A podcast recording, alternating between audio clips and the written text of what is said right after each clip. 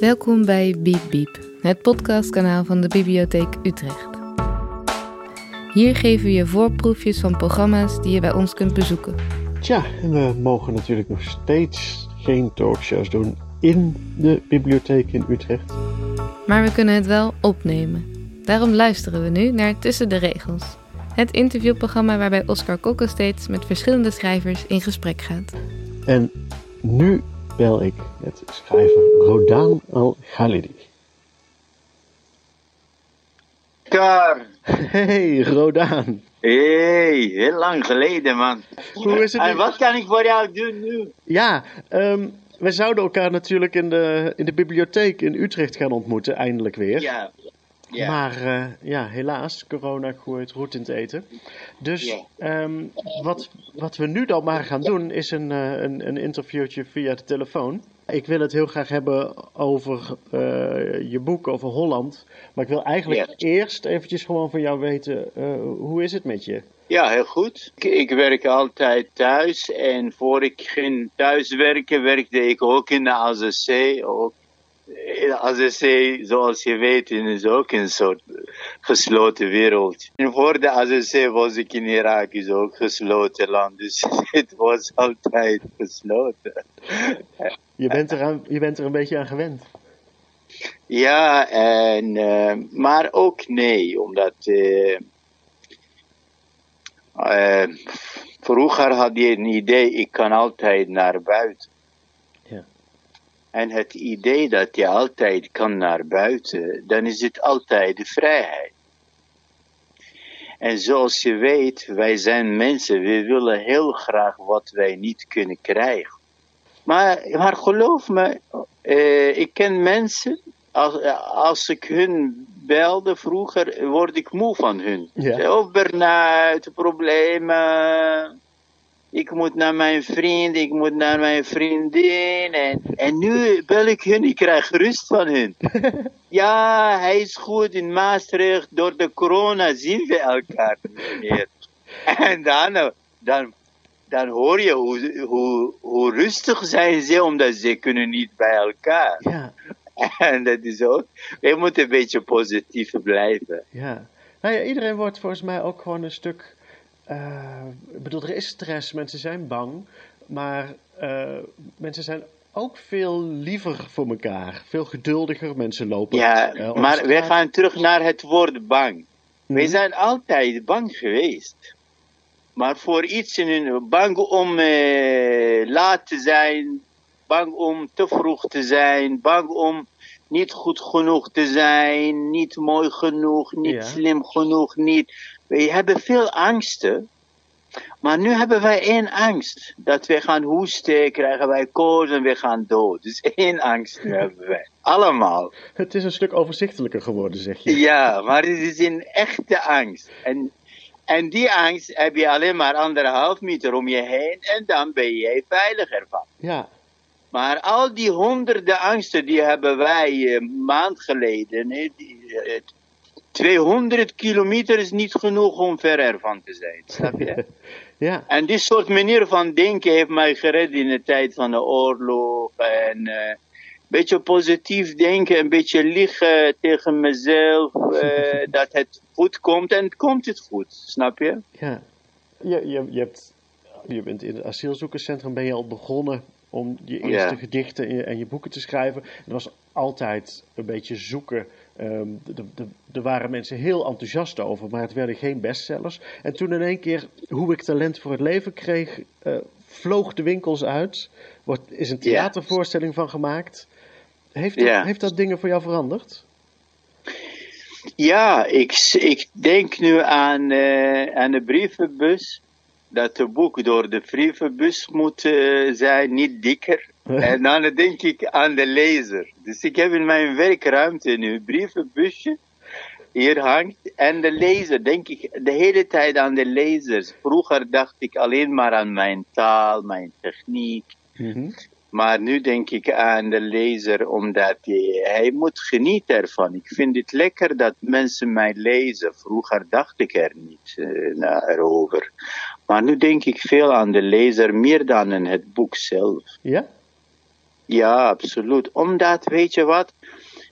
Ik heb eh, zoveel uitgevers verloren doordat mijn boeken niet echt goed verkocht. Ja. Eh, dan, eh, de uitgevers waren heel aardig, maar ze kunnen niet de hele tijd boeken publiceren die niet verkocht worden. En, ik, eh, en het is, vind ik ook leuk als je vier jaar of vijf jaar hard werkt aan een boek, dat beetje geld ervan verdient. Ik, vroeger dacht ik, je bent schrijver als je boeken schrijft. Maar nu ben ik helemaal commercieel geworden, jammer genoeg.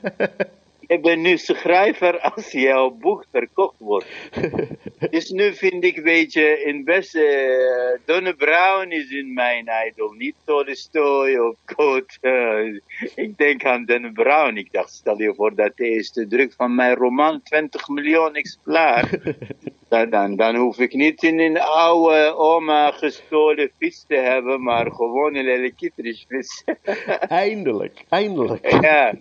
Ja. Ik, ik, ik, ik denk, ik ben een beetje veranderd. Na al die jaren in West-Europa ben ik wel eh, een beetje commercieel geworden. Wat fijn is, eh, eh, ja, hoe ik talent voor het leven kreeg. Ik zei het al, bestseller, theatervoorstelling. Er is dan nu een vervolg opgekomen. Ja. Holland. En dat pakt de draad eigenlijk op wat vorige eindigde. Want nu krijgt de hoofdpersoon vanwege het generaal pardon een verblijfsvergunning. Ja, En hij, ja, we, we, we volgen de hoofdpersoon Semir door, eh, ja, door heel Nederland, langs allerlei woningen. De ene keer woont hij in een schuur, dan in een flat, dan in een studentenhuis. Ehm. En we volgen hem ook op reis. Uite- uiteindelijk, hij droomt de hele tijd van een reis naar Spanje. Maar in eerste instantie reist hij vooral door Nederland. En dan zit hij op een gegeven moment in een trein naast een Nederlandse man. En die, vraagt, die Nederlandse man vraagt aan Semir, eh, beheers je het Nederlands?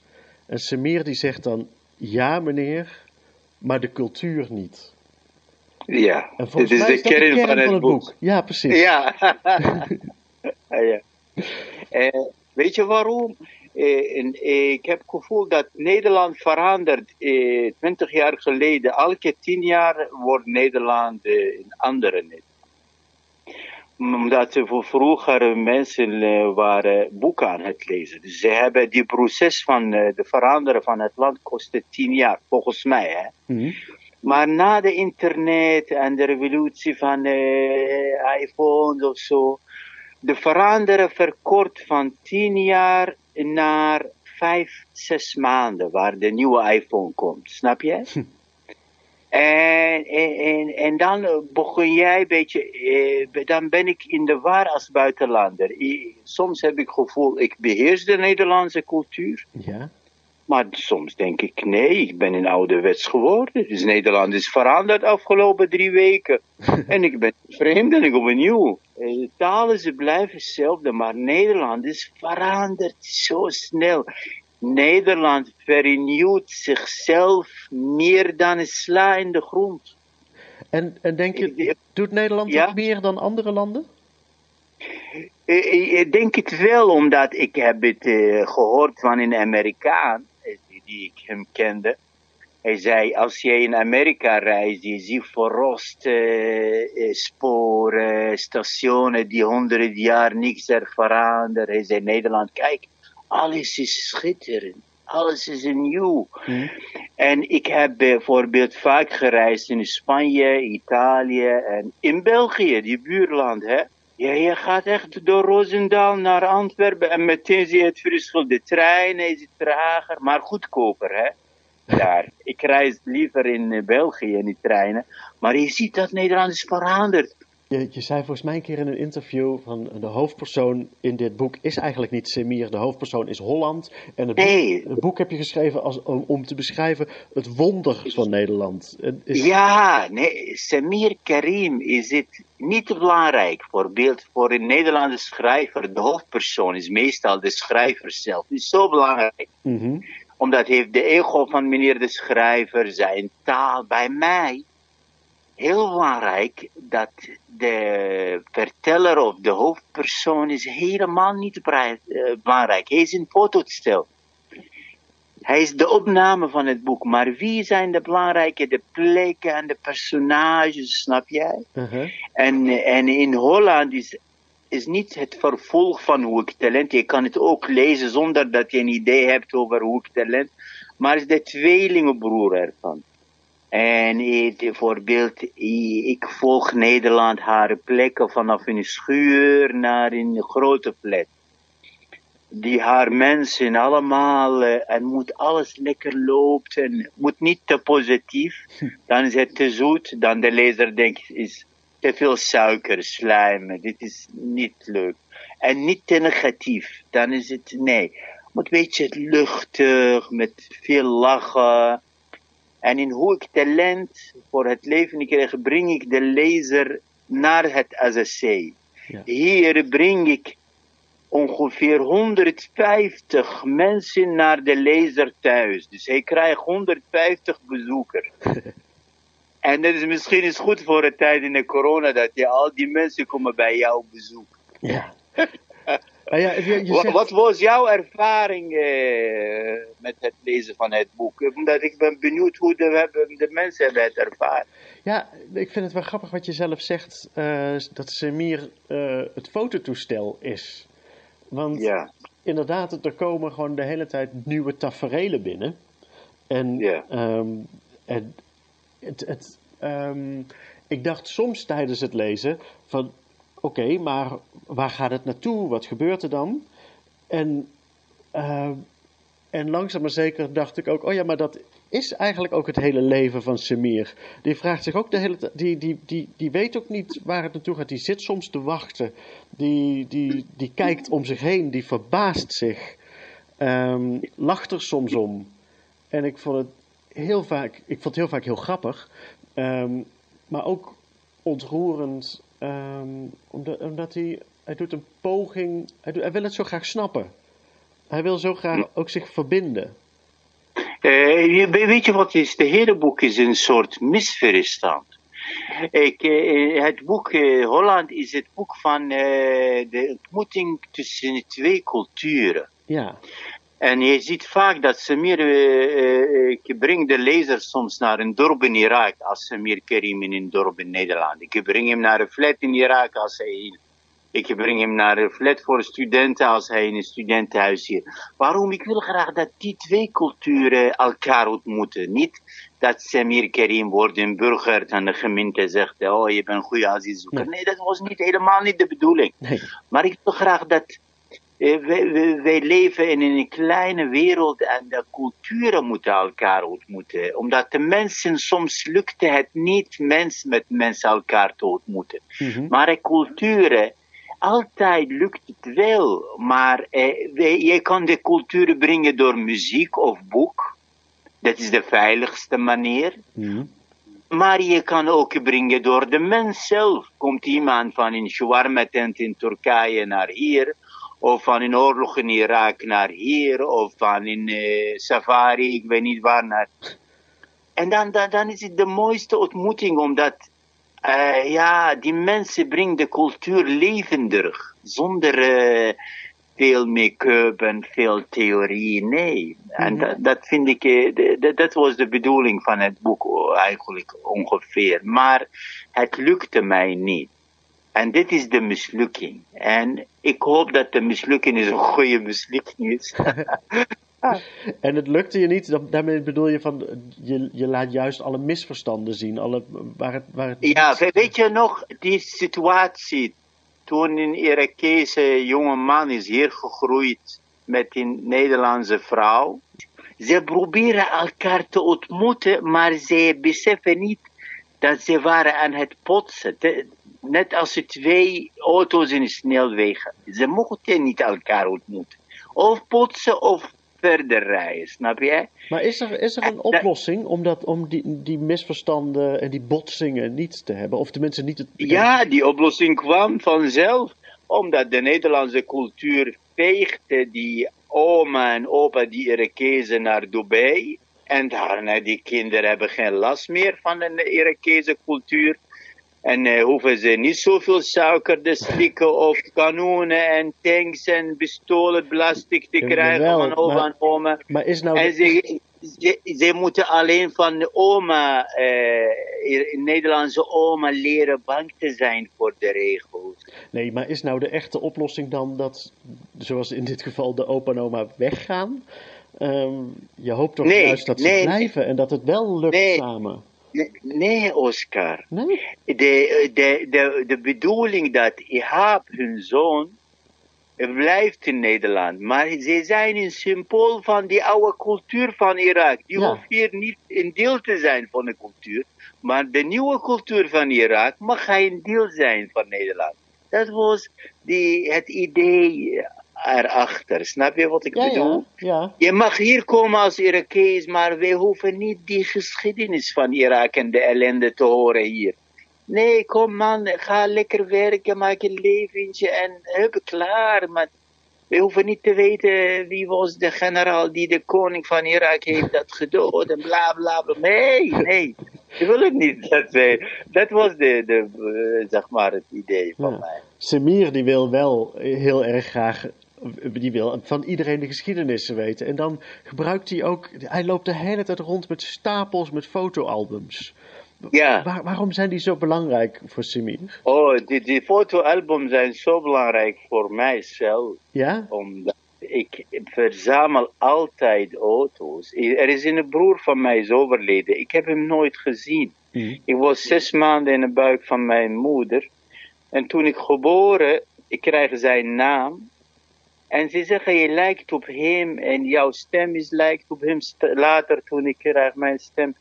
Maar ik was zo benieuwd naar hem. En vanaf dat moment dacht ik hoe belangrijk een foto is. Ik begon foto's te bestuderen. En in Nederland, soms koop ik eh, foto's van een krilloofwinkel, verzamel ik ze. En ik heb zoveel foto's hier.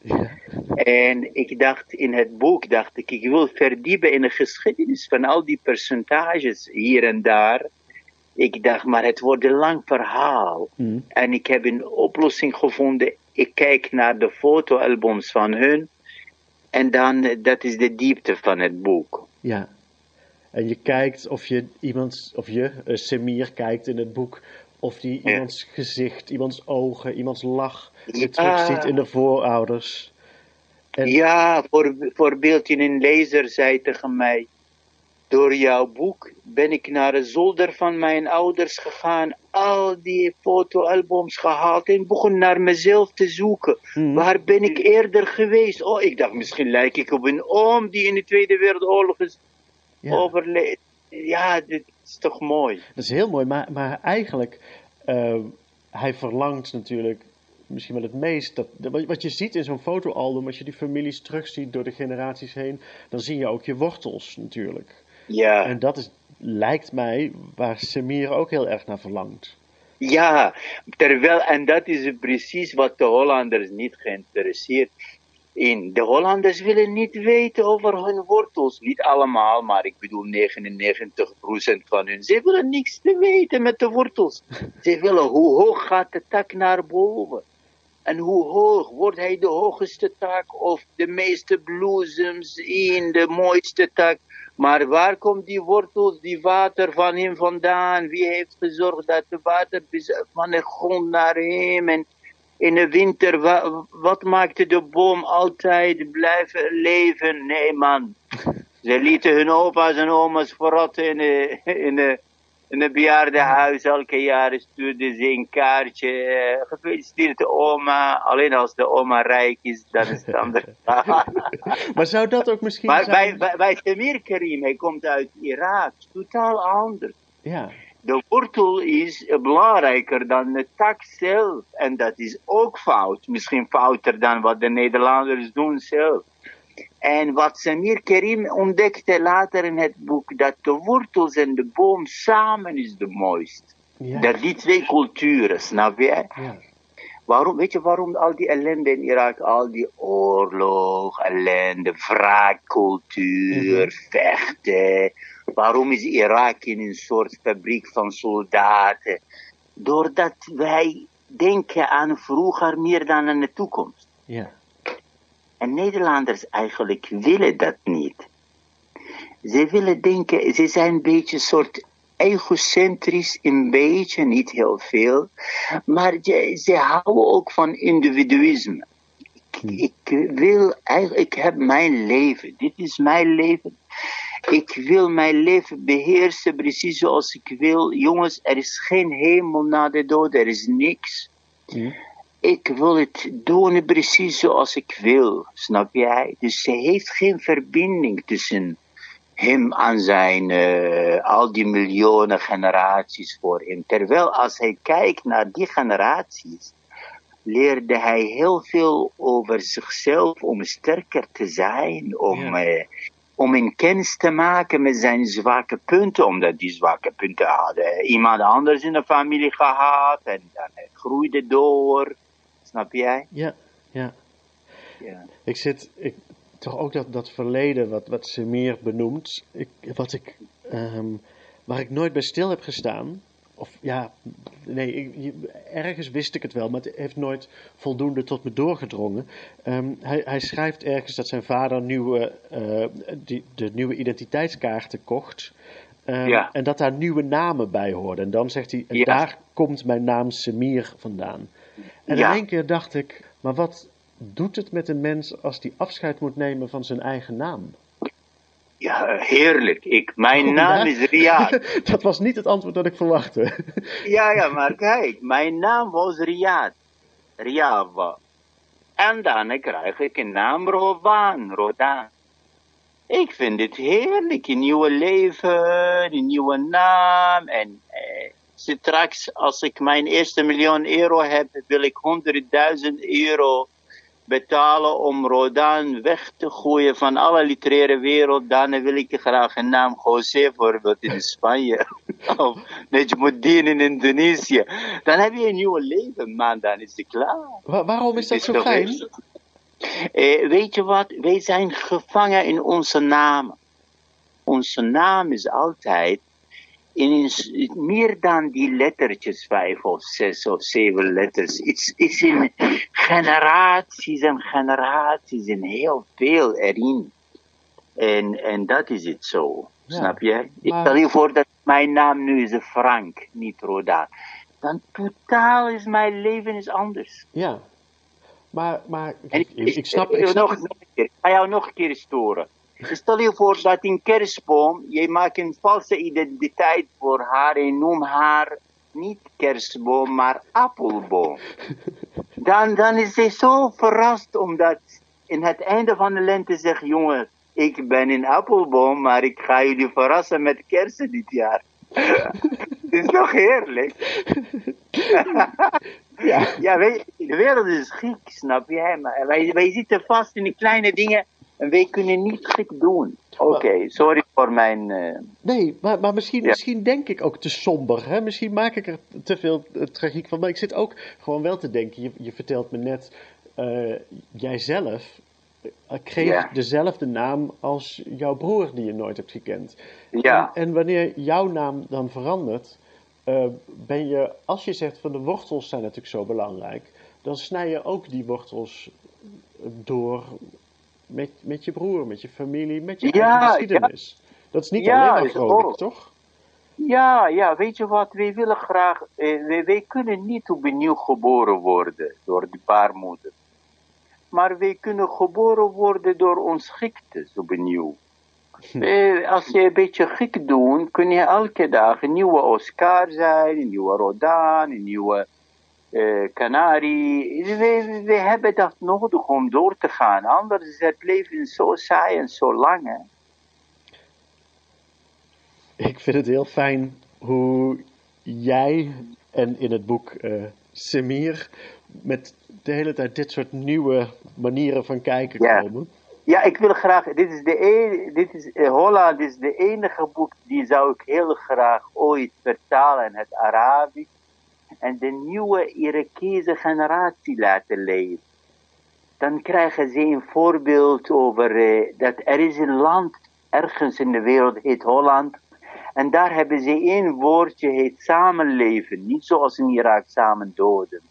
En daar iedereen daar op tijd is en iedereen krijgt burn-out omdat het vraagt zich meer dan het systeem, meer dan het leven geeft. En, en dat iedereen kent zijn grenzen, snap jij? Dan kunnen de jongens en de meisjes heel veel leren van het boek daar. Ja. Omdat stiekem is ook voor hun geschreven. Ik ben in ieder geval blij dat ik het heb mogen lezen. Uh, Oh, dank je. Ja, ik vind het echt een, een, een heel prachtig en, en ontroerend, maar ook heel erg grappig boek. Heb, Dank je wel. heb, je het, heb je het toevallig in de buurt liggen nu? Ik heb het niet in de buurt, omdat eh, voor het interview dit eh, ben ik een beetje naar een plek heel stil is. Maar heb je het in de buurt? Als je wil iets voorlezen, kun je het van jouw stem, met je stem voorlezen, toch? Weet je wat, ik doe het zelf eventjes inderdaad. Ik vond Ja. op eh, pagina 392, dan kunnen de mensen Ja. die luisteren kunnen ook meelezen. ja. de eerste alinea van dat hoofdstuk. Nederland heeft mij veranderd en die verandering is groter dan de verandering van riet naar fluit. De rietstengel die een fluit geworden is, is haar wortels verloren. En ze krijgt een paar gaatjes. Ze kan niet meer groeien in haar leven en niet meer dansen in de wind, maar ze kan verdwijnen in de adem van anderen. Ik ben mijn wortels verloren, mijn grond, mijn water en mijn lucht. En ik heb overal gaatjes. In mijn ziel, in mijn hart, in mijn hand, in mijn tas.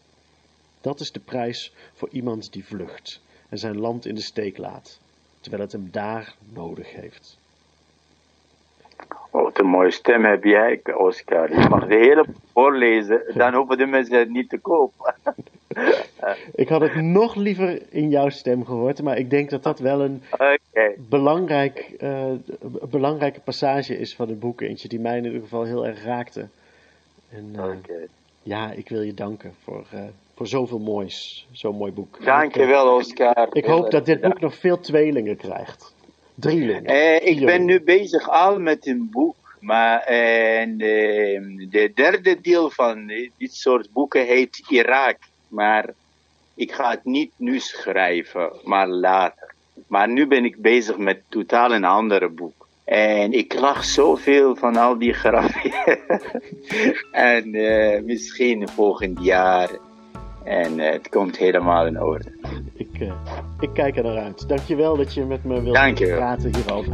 Fijn dat je luisterde naar Tussen de Regels met Oscar Kokke en Rodaan Al-Ghalidi. Hopelijk tot heel snel in ons mooie gebouw aan de Neude. Hopelijk Dankjewel. weer een keertje in het echt, zonder corona. Zonder corona, dankjewel. Tot ziens, Rodaan. Tot ziens.